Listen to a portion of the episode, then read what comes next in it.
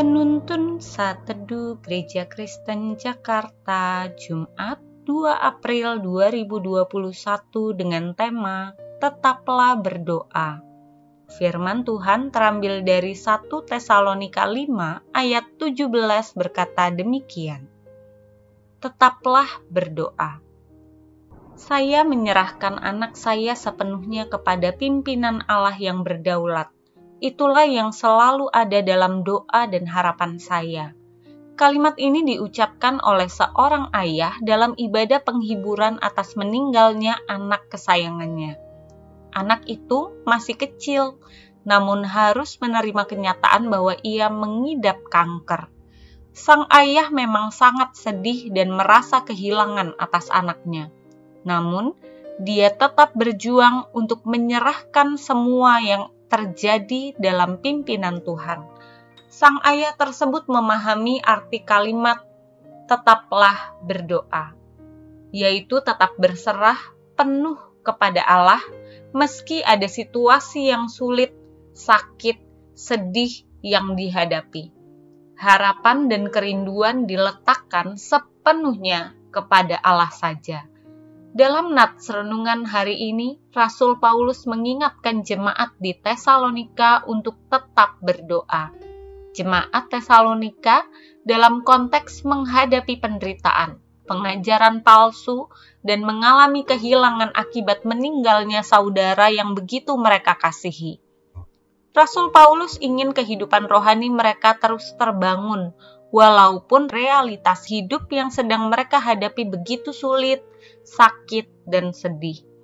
Dalam terjemahan bahasa Yunani pada nats ini, kata berdoa yang digunakan adalah proseu komai, Kata ini tidak dimaksudkan untuk berdoa meminta bagi kepentingan diri sendiri dan ambisi pribadi, melainkan kerinduan harapan dari dalam hati untuk tetap menyembah dan mengabdi kepada Allah, serta berserah di dalam pimpinan Allah dalam menghadapi menjalani kehidupan ini.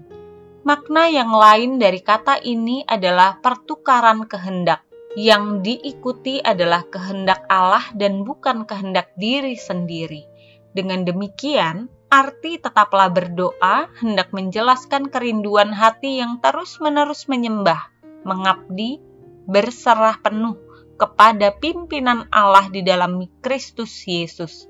Bahkan, merendahkan hati untuk mengikuti kehendak Allah dan bukan kehendak diri sendiri Kerinduan hati yang seperti ini akan memberi pengertian yang benar dalam menghadapi, menyikapi, dan memaknai berbagai realitas hidup, termasuk kesulitan, kesakitan, kesedihan, penderitaan, dan sebagainya.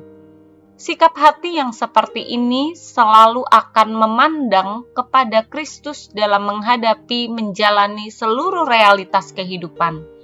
Saudaraku, tidak salah jika berdoa untuk mengharapkan sesuatu. Namun sering kali keinginan itu telah tercemar oleh dosa dan kehendak pribadi kita. Berdoalah dengan keberserahan dan kerinduan untuk membangun kehidupan rohani kita dalam perjalanan mengikut dan mengabdi kepada Tuhan Yesus. Sehingga keeratan dan kedekatan hubungan dengannya memampukan kita menghadapi berbagai realitas kehidupan ini, termasuk kesulitan, kesakitan, kesedihan, kehilangan, dan sebagainya. Jadi, tetaplah berdoa supaya kehendak Allah yang terjadi dalam hidup kita dan bukan kehendak kita.